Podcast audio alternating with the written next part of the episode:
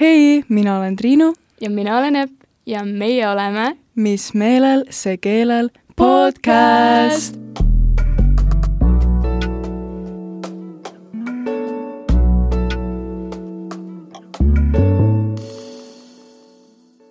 nii. ja meil on väga-väga põnevad uudised.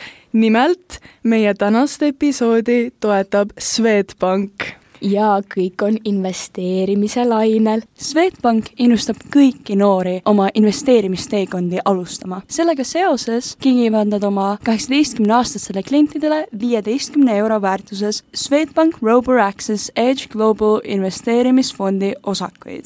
ja kuna Epp meil siin on just kaheksateist saanud, siis kuidas sinu kogemus oli? Jaa, väga lihtne protsess. avad oma internetipanga, kingituse saamiseks tuleb läbi vaadata üks lühike video ja vastata paarile kergele küsimusele ja siis järgmiseks saabki juba avada Swedbankis omaenda väärtpaberikonto wow.. ja konto avamine on ka tasuta ja sinna kantaksegi siis fondi osakud. investeerimisfond investeerib erinevatesse ettevõtetesse üle terve maailma. ja kui te ei tea, kuhu investeerida, siis Swedbankil on oma investeerimispodcast, millest saate inspiratsiooni võtta, samuti nende veebilehel on väga palju erinevat materjali, mida saab lugeda, vaadata ja kus saab infot selle kõige kohta, ehk siis minge swedbank.ee lehele ja uurige selle kohta ühesõnaga, Swedbank on väga noortemeelne ja kui teil on äh, pärast meie tänast episoodi veel küsimusi või soovite rohkem uurida investeerimise ja säästmise kohta, siis Swedbanki kodulehel on üleval igasuguseid äh, seminare, loenguid, podcast'e, äh, investeerimisjutud podcast on ka Spotify's, nii et kindlasti uurige ja vaadake.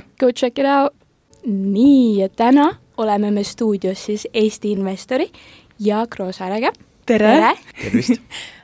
kas sa räägiksid natuke iseendast, kes sa oled, kust sa tuled, millega tegeled? muidugi, nimi on siis Jaak ja tegelengi igapäevaselt investeerimisega ja siis ettevõtlusega ja kasvatan kodus kolme last ka mm -hmm. ja katsun natukene jõudumööda lugemise, reisimise ja spordiga ka tegeleda. ma tulen originaalist Tartust, et õppisin Tartu Descartesi lütseumis äh, ja siis äh, ülikooli tulin Tallinnasse EBS-i finantsjuhtimist õppima ja siis teisel kursusel sattusin Ameerikasse raamatuid müüma ja seitse mm -hmm. suve töötasin siis Ameerikas ja sealt siis kasvas välja see rikkaks saamise õpik, mis omakorda ilmselt on peamine põhjus, miks mind erinevatesse podcast idesse on kutsutud. jaa, see on tõsi, sest et ma ise leidsin ka tee selle raamatuni ja seeläbi siis äh, leidsin siin meie podcast'i, aga et kuidas sa üldse jõudsid investeerimiseni? no see on natuke pikem lugu, aga mind juba väiksest saadik selline raha ja, ja eraisiku rahanduse teemad huvitasid, ma arvan, tagasi mõeldes see oli eelkõige, tulenes just sellest, et äh, kui mina üles kasvasin, siis olid sellised põnevad ajad, et Eesti äh, sai just vabaks ja, ja ma naljaga pooleks olen öelnud, et äh, ei ole palju selliseid põlvkondi, kes äh, kolme erinevat raha on saanud käes hoida mm -hmm. suhteliselt kiire perioodi jooksul, et, äh, et mina oma esimesed taskurahad sain rublades, siis põhiliselt taskurahad kroonides ja siis, kui ülikoolis olin, siis, siis tuli euro, nii et et ma arvan, et see kirg investeerimise vastu saigi sealt alguse, et kui olid sellised üleminekuajad, siis meie perel ja ma arvan, enamustel peredel väga palju vaba raha ei olnud ja ja samal ajal järsku Eestis oli hästi palju kaupa ja oli võimalus esimest korda endale osta mida iganes sa tahtsid, kui sul raha oli, et siis tekkiski see küsimus, et kuidas siis nii, et osadel on ja osadel pole.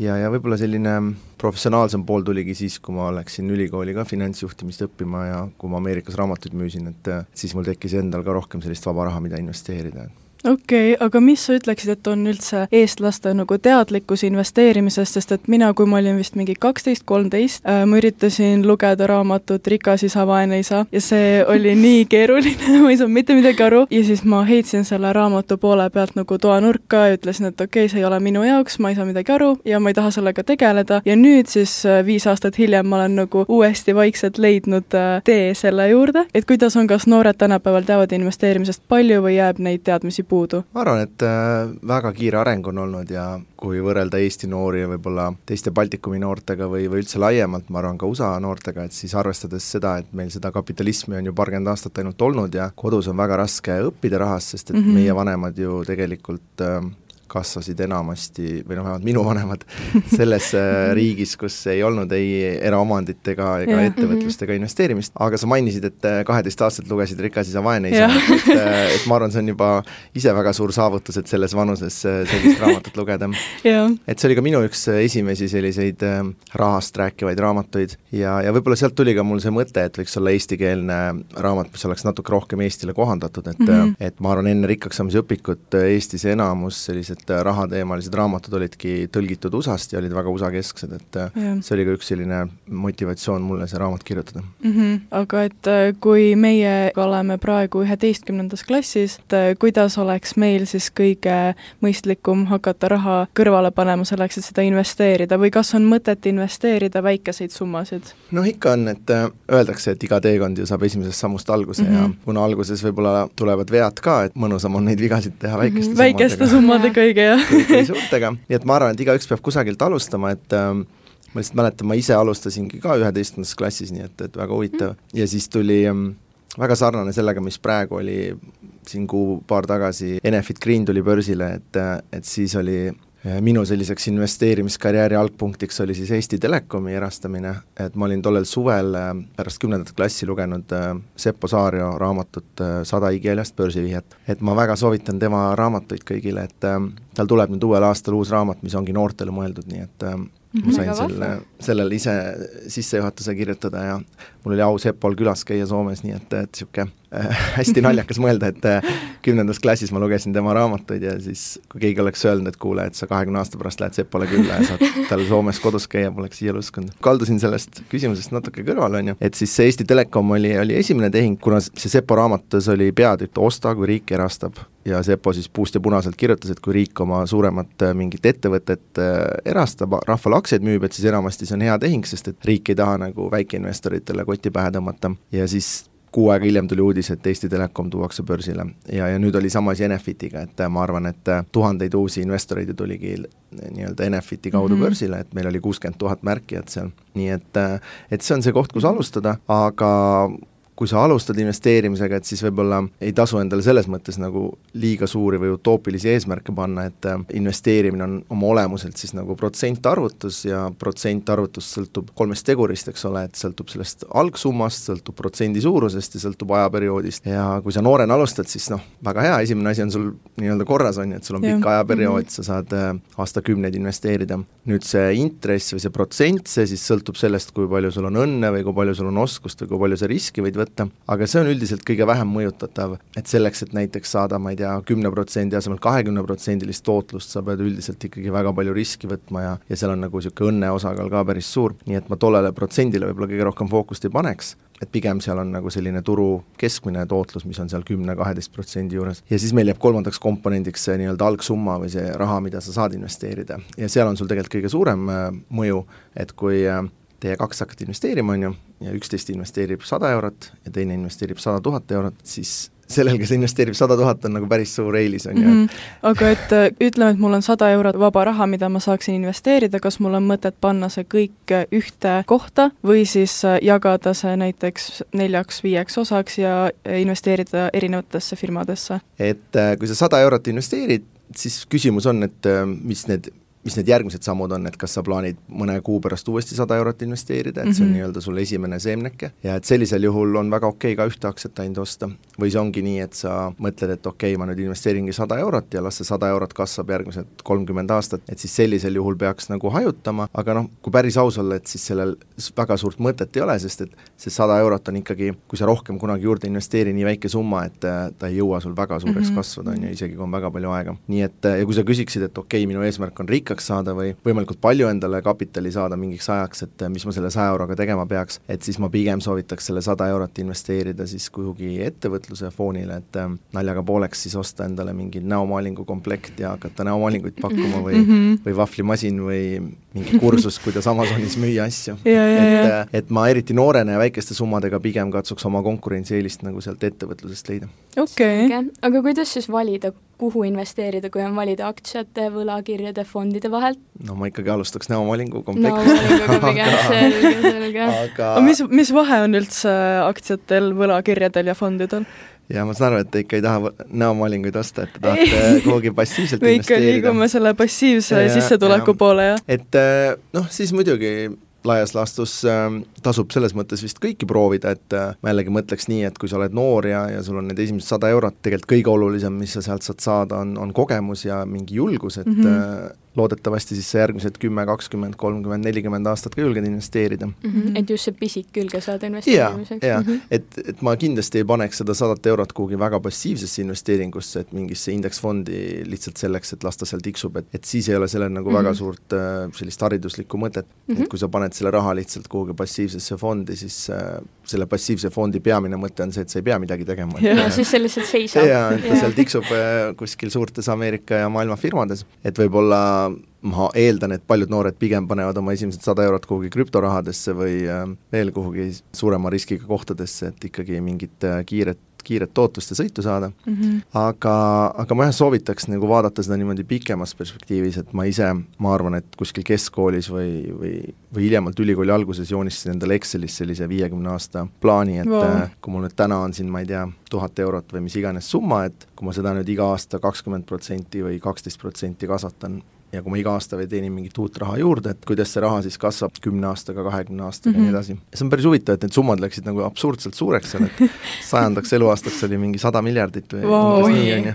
noh, võite ise teha, et ja kuidas tegelikkuses siis, et et praegu veel sajaaastane ei ole, noh. veel ei ole sadat miljardit, aga aga jaa, aga ma olen üritanud seda tabelit enam-vähem järgida ja ma olen ikkagi enam-vähem hoidnud seda kahekümneprotsendilist aastakasvu track'i, et mm, -hmm. et see on selle liitintressi selline võlu ja valu, et ta alguses on suhteliselt aeglane mm, -hmm. et kui sa oma sada eurot paned ju kasvama ja oletame, et äh, oledki maailma parim investor, saad kakskümmend protsenti aastast tootlust, on ju. et siin Warren Buffett, kes on maailma pikaajaliselt parim investeerija olnud, tema tootlus on olnud seal kaheksateist, üheksateist protsenti Mhm. vist, seitseteist, midagi säärast, et siis äh, noh, esimese aasta lõpuks on sul siis on ju sada kakskümmend eurot ja, ja siis äh, järgmine aasta on sul siis äh,, mis see siis on, kakskümmend protsenti sellest äh, sada nelikümmend neli eurot, et äh, ta ei ole nagu väga-väga kiire kasv mm. -hmm. kui sa kolm aastat kogud ja siis endale iPhone'i ostad, siis on kõik kadunud. ja, ja, jah, et see Ähm, tuleb nagu uuesti jaa. investeerida ja kasvama et panna, sa on ju. peaksid raha juurde panema ja ma ikkagi tulen jälle tagasi selleni, et et äh, ütleme, enne kolmekümnendat eluaastat ma ikkagi, võib-olla isegi enne neljakümnendat või viiekümnendat eluaastat, üheksakümmend protsenti ajast paneks nagu sellele, et kus siis seda kapitali endale teenida ja kümme protsenti paneks sellele, et okei okay,, kuidas ma seda investeerin või kas nüüd aktsiatesse või võlakirjadesse mm. -hmm. et isegi kui seda ei investeeri, paned selle lihtsalt pangakontole seisma, aga sa oled selline ettevõtlik ja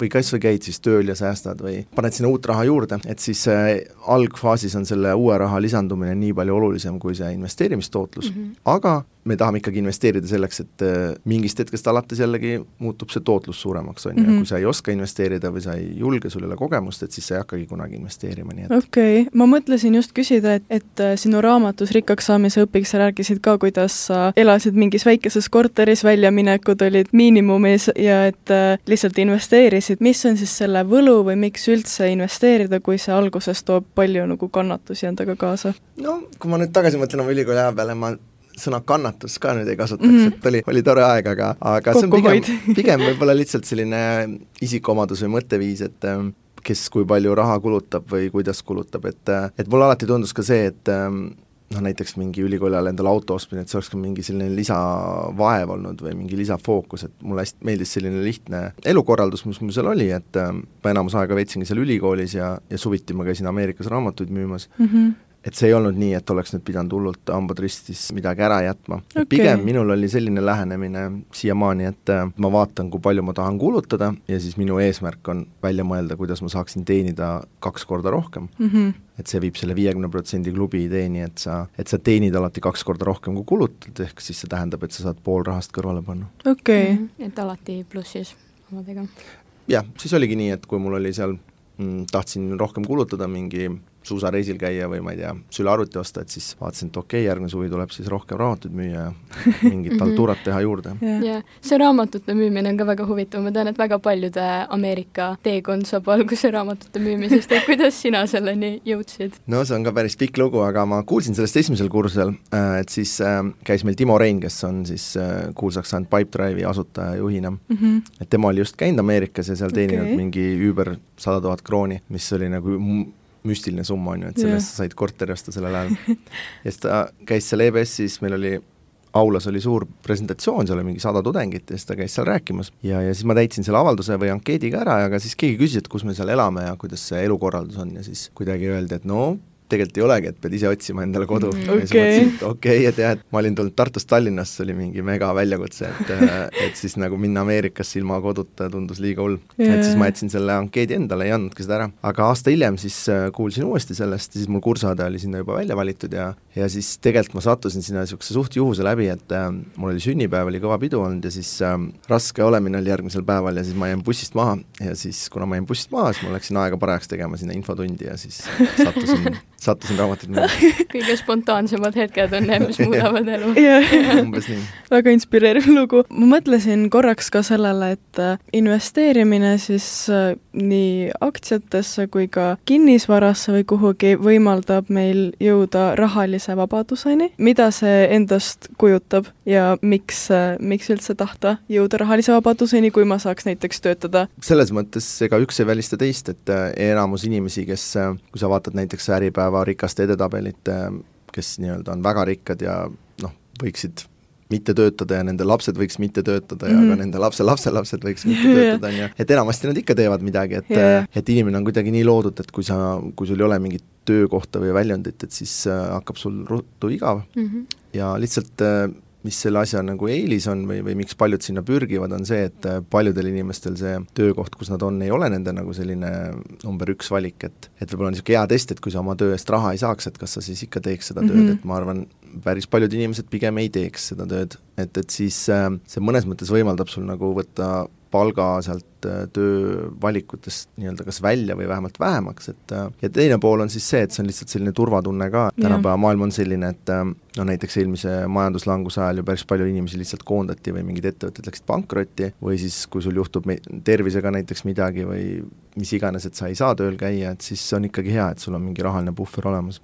Okei. Okay., ma lugesin ühe eksperimendi kohta, mida tehti siis mm, päris natuke aega tagasi Kanadas kuskil linnas. see idee oli selles, et äh, kõik elanikud said äh, mingisuguse summa raha endale aastas ja see oli neil nagu kindlustatud ja siis nagu selle kõrvalt nad tegid veel tööd, aga nad tegid seda tööd palju parema meelega ja nad ise suutsid ka rohkem aega veeta perega või hobisid tehes, sest et äh, neil oli see kindlustunne täpselt, mida sina ka mainisid, et et isegi kui ma ühe päeva puudun, mul on see raha nagu olemas. see on ju huvitav, et ma arvan, see kõlab nagu selline universaalpalga eksperiment, et mm -hmm. ma vist aasta-kaks tagasi käisin, telekas oli mingi väitlussaade ka sellel teemal arutlemas, et koroonakriisis see mõte kerkis esile päris mitmes okay. riigis, et mm -hmm. võib-olla on nagu kaval inimestele maksta mingit raha lihtsalt mm -hmm. selle eest, et sa oledki nagu mm -hmm. kodanik, võtta natukene sellist ähm, nii-öelda pinget. täpselt, mhm. et äh, et, et sa saadki rohkem natukene tegeleda hobidega.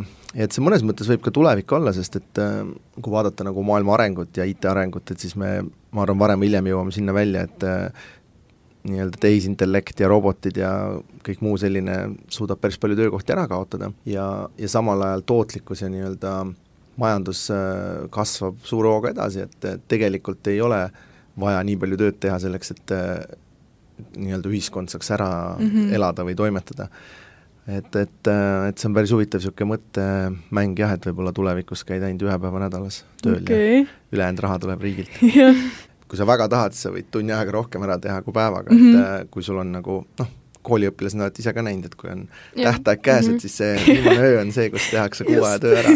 kui sa ikka väga fokusseeritud oled, siis kõik on võimalik. töökohtadega sama, et kui sa oled motiveeritud ja, ja ma arvan, see on ka põhjus, miks miks mulle ettevõtlus meeldib ja, ja ma arvan, miks ka paljud rahaliselt vabad inimesed tegelevad ettevõtlusega, et siis sa justkui ehitadki midagi ise ja mm -hmm. saad ise reeglid panna, et sa tead, et sa ei tööta kellegi teise nii-öelda heaks, vaid, vaid oled iseenda aja peremees ja siis inimesed sageli pingutavad rohkem, et just. Meie ju samuti teeme seda podcast'i oma õpilasfirma raames. Ja meie kuulajad, hästi paljud neist teevad ise ka õpilasfirmasid, et kas sul on äh, mingisugust nõuannet või midagi, et kuidas võimalikult hästi oma firma kasvama saada või siis mida teha selle sissetuleku rahaga? TBS-is äh, meil esimesel kursusel oli ka õppeaine nagu ärialused ja siis oli ka mitte siis õpilasfirma, aga üliõpilasfirma. Mm -hmm. ja tollal oli siis nii, et me saimegi päris ettevõtte kus oli nelikümmend tuhat krooni, anti nii-öelda kooliraha. Okay.. et öeldi, et noh, hakake nüüd Eesti Nokiat, tollal oli siis no. Nokia otsimine teemaks. ja, ja meie tegime siis lasteaia, ma mäletan, ja, ja see läks pankrotti kahe kuuga, et siis sai raha otsa. aga te tegite täiesti uue lasteaia? me tegime kooli jaoks jah, nagu laste, lastehoiu võib siis öelda mm -hmm. ja no mina sattusin sinna sellepärast, et seal pundis oli üks tüdruk, kes mulle meeldis tollel ajal ja siis ma mõtlesin, et oh, läheks sinna punti, on ju. et mul endal oli tegelikult äriidee investeerimisfond teha, aga see ei lennanud. ja siis ähm, ja niisugune peamine õppetund seal oli see, et me tegime turu-uuringu, mul on siiamaani meeles, et käisime siis äh, kauge õhtuõppe loengutes ja küsisime, et äh, kellele meeldiks idee, et oleks siin lasteaed ja kes oleks nõus oma lapsi siia tooma ja isegi vist seda, et kas, kes kui palju oleks nõus maksma ja siis selle järgi tundus tohutu nõudlus olevat selle toote või teenuse järgi mm. -hmm. ja siis me ostsime vist kümne tuhande kroonist mänguasju ja palkasime kaks kasvatajat ja nii edasi.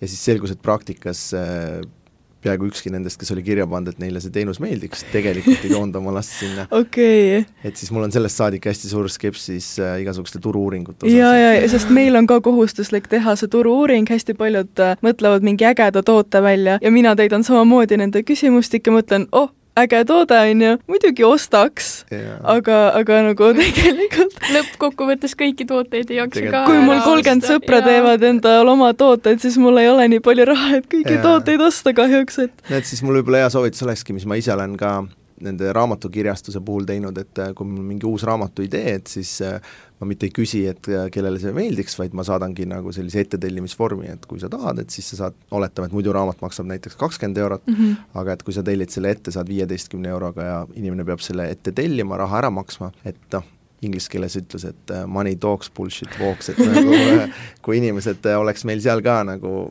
pidanud mingi kuutasu ette maksma nende laste eest, siis me oleks kohe näinud, kas mm, -hmm. kas on huvi või ei ole. nii et ma hästi soovitan õpilasfirmade puhul ka, et kui vähegi võimalik teil, siis äh, katsuge juba enne, kui teil toode valmis on, seda nii-öelda idee tasandil ette müüa mm, -hmm. et siis on teil ka raha, millest toodet arendada ja et näiteks äh, mina ei olegi kunagi oma raha pidanud raamatute trükkimisele panema, et alati eelmüügist on rohkem raha tulnud, kui see okay. trükkimine maksab väga äge. väga kaval mõte mm. -hmm. ma sattusin vaatama mingit äh, saadet ka telekas, kus sa olid ja ma nägin, et sa panid viiekümne euroseid endal nende raamatute vahele, et, et mis sellega mis sellega oli?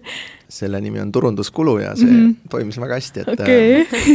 et ähm, keegi pole küll kirjutanud, kes neid leidis, aga me vahepeal oleme teinud Facebookis näiteks mingit loosimist, et äh, et minu meelest tänapäeval on nii-öelda alustaval ettevõtjal nii, nii palju lihtsam äh, alustada, kui kunagi interneti või Facebooki-eelsel ajal oli yeah.. et siis selleks, et mingit tähelepanu saada, sa pidid ju ostma mingit trükireklaami mm -hmm. või mida mhm. iganes, et äh, praegu on väga lihtne, et sul on mingi toode-teenus, paned Facebooki, et äh, loosime välja viiskümmend eurot või mingi tasuta toote, on ju. ja või... loosid on maagilised. ja inimestele läheb see väga peale. ja alati on oluline kedagi tag ida seal ja siis äh, see läheb viraliks ja nii ta läheb, et äh, et ja teine asi võib-olla, mis, mis mind on aidanud ja, ja mis ka õpilasfirmade või selliste alustavate ettevõtjate puhul võiks hea mõte olla, on see, et hakata endale kohe looma sellist äh, kliendi nimekirja või mailing, äh, noh, emaili listi siis mm, -hmm. põhikunded või huvilised, on ju, et, et neid äh, noh, saab samamoodi koguda kusagilt veebilehelt, et kui sulle asi huvi pakub, jäta oma kontakt mm -hmm. ja me teeme sulle hea pakkumise. et nad ei saaks enam minema pärast lipsata kui sul on see inimese email olemas, et siis on sul tegelikult ju võimalik talle noh, laias laastus, kui sa suudad talle nii-öelda tema jaoks huvitavat sisu toota või pakkumisi teha, siis äh, põhimõtteliselt sa võid ju talle aastakümneid mingeid tooteid mm -hmm. pakkuda, et minul on seal rikkaks saamise õpiku mailing listis vist mingi kaksteist tuhat inimest ja mm -hmm. oletame, et noh, ma ei tea, mul on hädasti raha käes või, või mingi jama käes, et on hädasti raha vaja yeah., et siis äh, noh, ma võin sisuliselt kirjutada sinna listi, et mul on üks megaäge toode tulemas, on ju et ma veel ei ütle, mis toode see on, aga noh, on hullult äge, et äh, salajane projekt tulemas ostke, ostke! esimesed sada saavad kümne euroga selle toote endale osta, et äh, ma usun, et sealt tuleks kindlasti see sada täis, et äh, sellepärast, et need on need inimesed, kellele mina olen aastate jooksul piisavalt väärtust pakkunud, et mm -hmm. ma mhm. korra kuus või kaks korda kuus olen neile mingit infomeili saatnud ja, ja, ja pakkumisi edastanud ja nii edasi, et siis äh, ma arvan, et eriti kui sul on nii-öelda niisugune persoonibrändi või mingi interneti äriidee, et siis see mailing list on selline päris äh, oluline oluline asi, mida hakata kohe arendama mm. -hmm. aga siit kõrvalt kuulates tundubki see õpilasfirma hea koht, kus ettevõtlust õppida, on ju, et õppida äh, just. et ma arvan, sellest on, äh, on rohkem kasu kui, kui sellest, et ähm, mingite aktsiate analüüsi või võlakirjad võlakirjade analüüsi teha mm, -hmm. et et seal laias laastus on nii, et kui sul on palju raha, siis võid, võidki selle lõpuks indeksfondi panna ja ei pea väga mm -hmm. palju seal üle mõtlema neid asju, et et siis kõik tuleb juba loomulikult? nojah, et, et see mhm. investeerimine mm -hmm. võib olla suhteliselt passiivne, et et võib-olla see ongi selline suurem väärarvamus, et et kui me räägime investeerimisest või, või investor olemisest, et siis kujutatakse ette, et see on selline nagu ma ei tea, täiskohaga töö või et sa kogu aeg loed ja teed mingeid Excelid ja, ja analüüsid seal midagi, aga et praktikas see pigem on siis enamasti nii, et sa lihtsalt paari hiireklikiga saadad raha kuhugi välja mm, -hmm, et ega see mingit suurt tööd ei eelda tegelikult. et äh, kuna seal ei ole ühte õiget valikut, et siis mm -hmm. tuleb lihtsalt kuskilt pihta hakata, et mulle endal näiteks aktsiate puhul meeldib võib-olla isegi rohkem seda mõelda nagu sellise margi kogumise või selle mõttega, et mulle meeldibki erinevaid ettevõtteid nagu endale portfelli võtta või mm -hmm. omada, et äh, ei ole eesmärk siis leida see üks mingi kõige-kõige parem ettevõte just praegusel hetkel ja siis siis mingi hetk ära müüa ja siis mingi järgmine osta, et mm -hmm. et see pigem on selline õnnemäng ka, ma arvan, suuresti aga et laias laastus äh, see ka sõltub siis sellest, mis faasis sa oma nende kapitali korjamisega oled, et äh, et üldiselt selline kõige tavapärasem muster on ikkagi see, et alguses paned äh, kõik raha, mis sul endal on ja laenad veel vanematelt ja sõpradelt juurde, paned sinna ettevõtlusesse ja siis, kui hästi läheb, sa saad selle ettevõtte kas ära müüa või või sealt mingit tulu teenida ja, ja siis äh,, siis saad seda raha omakorda panna kellegi teise ettevõttesse või, või kuhugi kinnisvarasse või mm -hmm, investeerida. aga ilmselt noorena ongi kõige parem alustada nagu nende kõrgema riskifaktorite noortel on ju omad eelised, et siin äh, ma käisin vist neli-viis aastat tagasi Keila keskkoolis rääkimas või gümnaasiumis äh, investeerimisest ja siis oli kaksteist klass ja uurisin, et kes on aktsiatesse investeerinud ja minu meelest ei olnud, ei olnud kedagi vist, sest nad olid, nad olid minu meelest alla, võib-olla oli noorem siis üksteist klass, et nad olid alla kaheksateist, ehk nad ei saanud veel iseseisvalt mm -hmm. endale seda kontot teha mm -hmm. ja, ja siis ma küsisin, noh, et kes siis kuhu on investeerinud, siis selgus, et kõik olid Bitcoini pannud kõvasti raha, et et sinna kuidagi sai nooremana ka juba pista mm, -hmm. ma ei tea, kuidas, aga sai ja, ja siis noh, mina ei osanud midagi öelda selle kohta mm, -hmm. et ma sellel hetkel ei teadnud muud midagi, kui et äh, see oli mingi nulli pealt läinud tuhande peale või midagi säärast. aga okay, noh, nüüd ta on kuuskümmend tuhat, on ju, nii et yeah. ma arvan, nendel õpilastel läks päris hästi.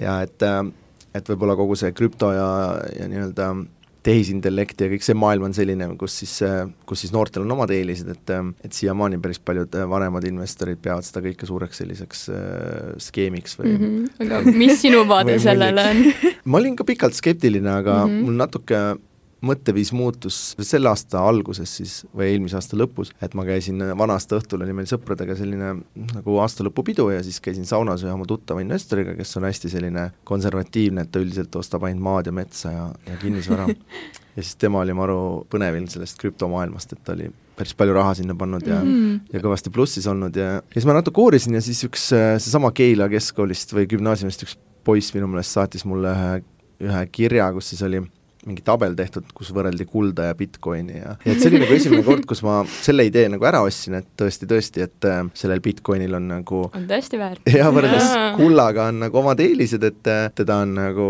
mõnusam saata kui kuld, on ju, ja ja, ja noh, nii edasi, et, äh, et varem ma ei olnud seda selles võtmes nagu mõelnud uh,, et siis ma ostsin endale natukene ja panin oma lapse kuna ma enda rahaga nii palju ei tahtnud riskida, siis lapse raha sinna natuke sisse, aga arusaadav. Kui väga põnev maailm, aga et kui suur on see risk ikkagi, et need on ju internetirahad? nojah, mul vend töötab ühes äh, ettevõttes, kes siis kaupleb ja arendab neid äh, krüptoteemasid, et siis ma tema käest ka ikka saunalaval alati uurin. et äh, seal vist see uuem trend on isegi mitte nii-öelda Bitcoin, vaid äh, NFT-d ja igasugused äh, kivipildid, mida sa siis äh, saad kõva okay. raha eest edasi müüa, et mul on üks tuttav, kes ostis siis ühe, selle nimi oli vist alpaka või, mingi selline loomapilt oli, mis äh, tema ostis vist, vist tuhande või kahe tuhande euroga ja, ja siis no. äh, müüs edasi kahekümne viie tuhande euroga okay.. Pole paha. ja et, et, see on võib-olla see koht, kus äh, kui sul alguses oli see küsimus, et okei okay,, kui mul on sada eurot investeerida, ma tahan nüüd nagu rikkaks saada mm -hmm. sellega, et mida teha, et, et siis äh, seal on ju mingid kohad, noh a la mingi Dogecoin oli vist ja Shiba Inu ja mingid sellised, kutsutakse shitcoinideks, on ju, et mhm. äh, mingid äh, nii-öelda projektid, mis suuresti selleks ongi tehtud, et keegi rikkaks saaks. et, et seal need, kes sinna alguses julgesid sisse panna, siis kui see maksis seal null koma null null null null üks senti, on ju, et kui sa ostsid saja euro eest midagi, mis maksis null koma null null null üks senti ja nüüd ta maksab üks sent, siis on sul päris hästi läinud, et yeah. et sama oli Bitcoiniga, et mul oli üks tuttav, kes oli mingi arvutimängur ja siis äh, mingis arvutimängus mingeid mõõkasid ja värke vahetati Bitcoinide vastu ja siis mm -hmm. tal oli seal paarsada Bitcoini, mis noh, kui ta oleks nüüd alles hoidnud, on ju paarsada Bitcoini korda kuuskümmend tuhat on päris suur summa mm, -hmm. et mhm. aga et enamasti siis ähm, häda ongi selles, et sa ikkagi müüd need suhteliselt ruttu ära, et et see on võib-olla selline investori, mis ma ka Sepo käest õppisin, et ma küsin, mis tema nagu elu selline suurim õppetund on, et ta on kuuskümmend aastat investeerinud, et siis ta ütles mm, -hmm. et see, kui peaks ühe valima, et siis see number üks asi on see, et ära müü võitjaid liiga ruttu ära okay.. et tema, tal oli nagu näide Hansapanga aktsiatest, et ta oli, ostis Hansapanka enne, kui Hansapank üldse börsile tuli ja, ja siis äh, kui see oli vist kahe- või kolmekordistunud, et siis müüs need aktsiad maha ja, ja tal abikaasa kuulas pealt sageli tema tehinguid, et neil oli see vanakooli telefon, et sai teisest toast kuulata ja vanasti tehti telefoni teel tehinguid mm. -hmm. ja ostis ka seda Hansapanka, aga tema siis seda tehingut ei kuulnud, kui Sepo ära müüs ja siis ta hoidis seda Hansapanka siis, kuni Swedbank üle ostis ja see oli mingi tuhandekordne tootlus. ja, ja kui ma vaatan enda investeeringute peale ka, et siis mul protsentuaalselt kõige suurem tootlus on LHV aktsial, mille mina ostsin ka enne, kui see börsile läks, kahe koma seitsme euroga, ma vaatasin, täna on nelikümmend viis, nelikümmend kuus eurot. et ka mitu korda, või noh, ma olengi tegelikult kaks kolmandikku suutnud ikkagi vahepeal maha müüa, on ju, et mm -hmm. õnneks mul on üks kolmandik alles, aga aga et äh, kui sa paned raha kuhugi sellisesse kohta, kus ta võib nagu mitme-mitmekordistuda, et mm -hmm. siis äh, tuleb hambad ristis hoida, et seda mitte ära müüa yeah.. väga huvitav, aga just, et enne kui börsile läks, ma tean, et sa saad investeerida just siis, kui miski on börsil, et kuidas enne börsile minekut aktsiaid ähm, osta? LHV puhul oli niimoodi, et seal olid siis nii-öelda oma töötajad said enne osta, see on nagu tavaliselt kõige levinum viis mm. -hmm. kõige mõnusam on, kui sa ise asutad mingi ettevõtte, on ju, et siis sa justkui nullist lood need aktsiad, aga et äh, seal oli siis nii, et saite ettevõtte töötajad ja kuna seal Southwestern raamatumüügi tudengid käisid äh, LHV pensionifonde müümas, et siis said nemad ka osta ma ise ei käinud müümas, aga mul üks äh, hea sõbranna oli, kes seal töötas ja siis me tegime temaga diili, et kuna tal endal ei olnud vaba raha, et siis äh, me justkui ostsime need minu ettevõttele ja, ja ma laenasin talle ka natuke raha, et ta sai sealt osad aktsiad endale, nii et see oli selline võimalus, kus sai siis kahe koma seitsmega osta, et see LHV vist tuli mingi seitsmega börsile järsku. Ja noh, siis minu jaoks oli, et oo, vupp, Pupadie kolmsada prossa on ju, et lükkasin sirgu kohe pool positsioonist mm, -hmm. aga noh, tegelikult kes ostis seitsmega, siis see on ka ju väga plussis ja aasta tagasi, kui koroonakriis oli, siis see LHV aktsia vist käis kümne peal kusagil, on ju, et mm -hmm. ja tegelikult ma täna ostsin endale esimest korda LHV-d juurde, et wow. Äh, esimene ost oli kaks koma seitse ja nüüd ostsin neljakümne viie pealt, et aga kas sa tegeled äh, ise Eesti turul aktsiate ostmisega või ka välismaal äh,? mul on välismaal ka konto, et äh, välismaal mul lemmikettevõte on Berkshire Hathaway, mis on siis Warren Buffetti selline investeerimisfirma, et äh, see on olnud minu jaoks selline suur hobi, seda ettevõtet uurida ja tema kirju lugeda, et kui keegi tahab investeerimisest just nagu aktsiate või, või nii-öelda mitte ettevõtluse, vaid äh, just selle mõttena, et kuidas valida erinevaid aktsiaid endale portfelli või investeerida. et kui keegi tahab selle kohta rohkem õppida, et siis äh, tasub lugeda neid Warren Buffetti kirju, et need on tema koduleheküljel kõik äh, saadaval mm. -hmm ja sama, nagu sina mainisid, et sa lugesid kaheteistaastaselt äh, Rikas ja vaene isa, ei saanud midagi aru, et äh, et minul oli sama kogemus nende kirjadega, et ma ülikooli esimesel kursusel äh, kuskilt kuulsin samasugust soovitust, et kui keegi tahab õppida investeerima, et lugege neid kirju, hakkasin lugema, nagu inglise keelt oskasin, aga et ma sain sõnadest aru, aga sellest mõttest ei saanud. Yeah.. ja hullult raske oli lugeda neid, et ma lugesin võib-olla seal mingi paar tükki läbi ja siis sain aru, et äh, veits liiga vara. Ja siis ülikooli vist teisel-kolmandal kursusel lugesin uuesti, siis sain juba natuke rohkem aru. Ja et ma olen põhimõtteliselt neid, ma arvan, kümneid-kümneid kordi lugenud, et siiamaani mulle meeldib seda rohkem lugeda kui mingeid muid raamatuid, et äh, võtad jälle mingi seitsmekümne kuuenda aasta kirja ette ja põnev lugeda, mis seal tollel aastal toimus, et mm -hmm. vana hea klassika. jah, jah, et ma arvan, et kui ma peaks kaks ressurssi soovitama nagu investeerimiseks ja ettevõtluseks, et siis äh, üks oleks need Warren Buffetti kirjad ja ettevõtluse mõttes ma soovitaks Shark Tanki vaadata vist, et seal okay., kuigi seal on ka see investeerimise pool yeah., on ju, et sa pead ju neid investoreid otsima, et siis äh, need Shark Tanki episoodid minu meelest on ka väga õpetlikud. väga äge. jaa, kõik kuulajad, kes on kindlasti tulevased investorid, jaa, go check them out. jah, ja ma lõpetuseks küsiks võib-olla, et, et kus saab sinu tegevustel silma peal hoida, kuidas saab su raamatuid soetada näiteks? Näiteks? mul on enamus asju koondatud äh, roosaare.com lehele mm, -hmm. et äh, ma nüüd olen küll laisk olnud viimastel aastatel seal sisu update imisega, aga ma ikkagi olen suutnud hoida seda, et korra kuus tuleb mingi kuu kokkuvõte ja et selles mõttes on niisugune äge lugemine, et vahest ise võtan tassi kohvi ja piparkoogi ja loen, mis toimus kaks tuhat kümme või midagi. et ma olen seda päris pikalt teinud, see minu meelest algas kaks tuhat kuus, nii et äh, ikkagi mingi pff, ligi viisteist aastat okay.. ja, ja et selles mõttes on nagu põnev, et äh, alguses olid need summad ja kõik need investeeringud ka hästi väiksed, et äh,, et seal saadki siis nagu reaalselt äh, jälgida ka seda, et kuidas siis äh, see lumepall või intress nagu tööle hakkab, on ju, et mhm, kuidas kümne aastaga asjad, asjad muutuvad ja, ja siis Instagramis ma ka üritan siin story sid vahest postitada, nii et, et sinna võib ka follow da. selge, aga suur aitäh sulle tulemast stuudiosse ja meid valgustamast erinevatel investeerimise raha teemadel. ja ma arvan, et kõigil meie kuulajatel on nüüd palju rohkem julgust minna ja teha ja. oma esimene investeering või siis jätkata kindlamal sammul.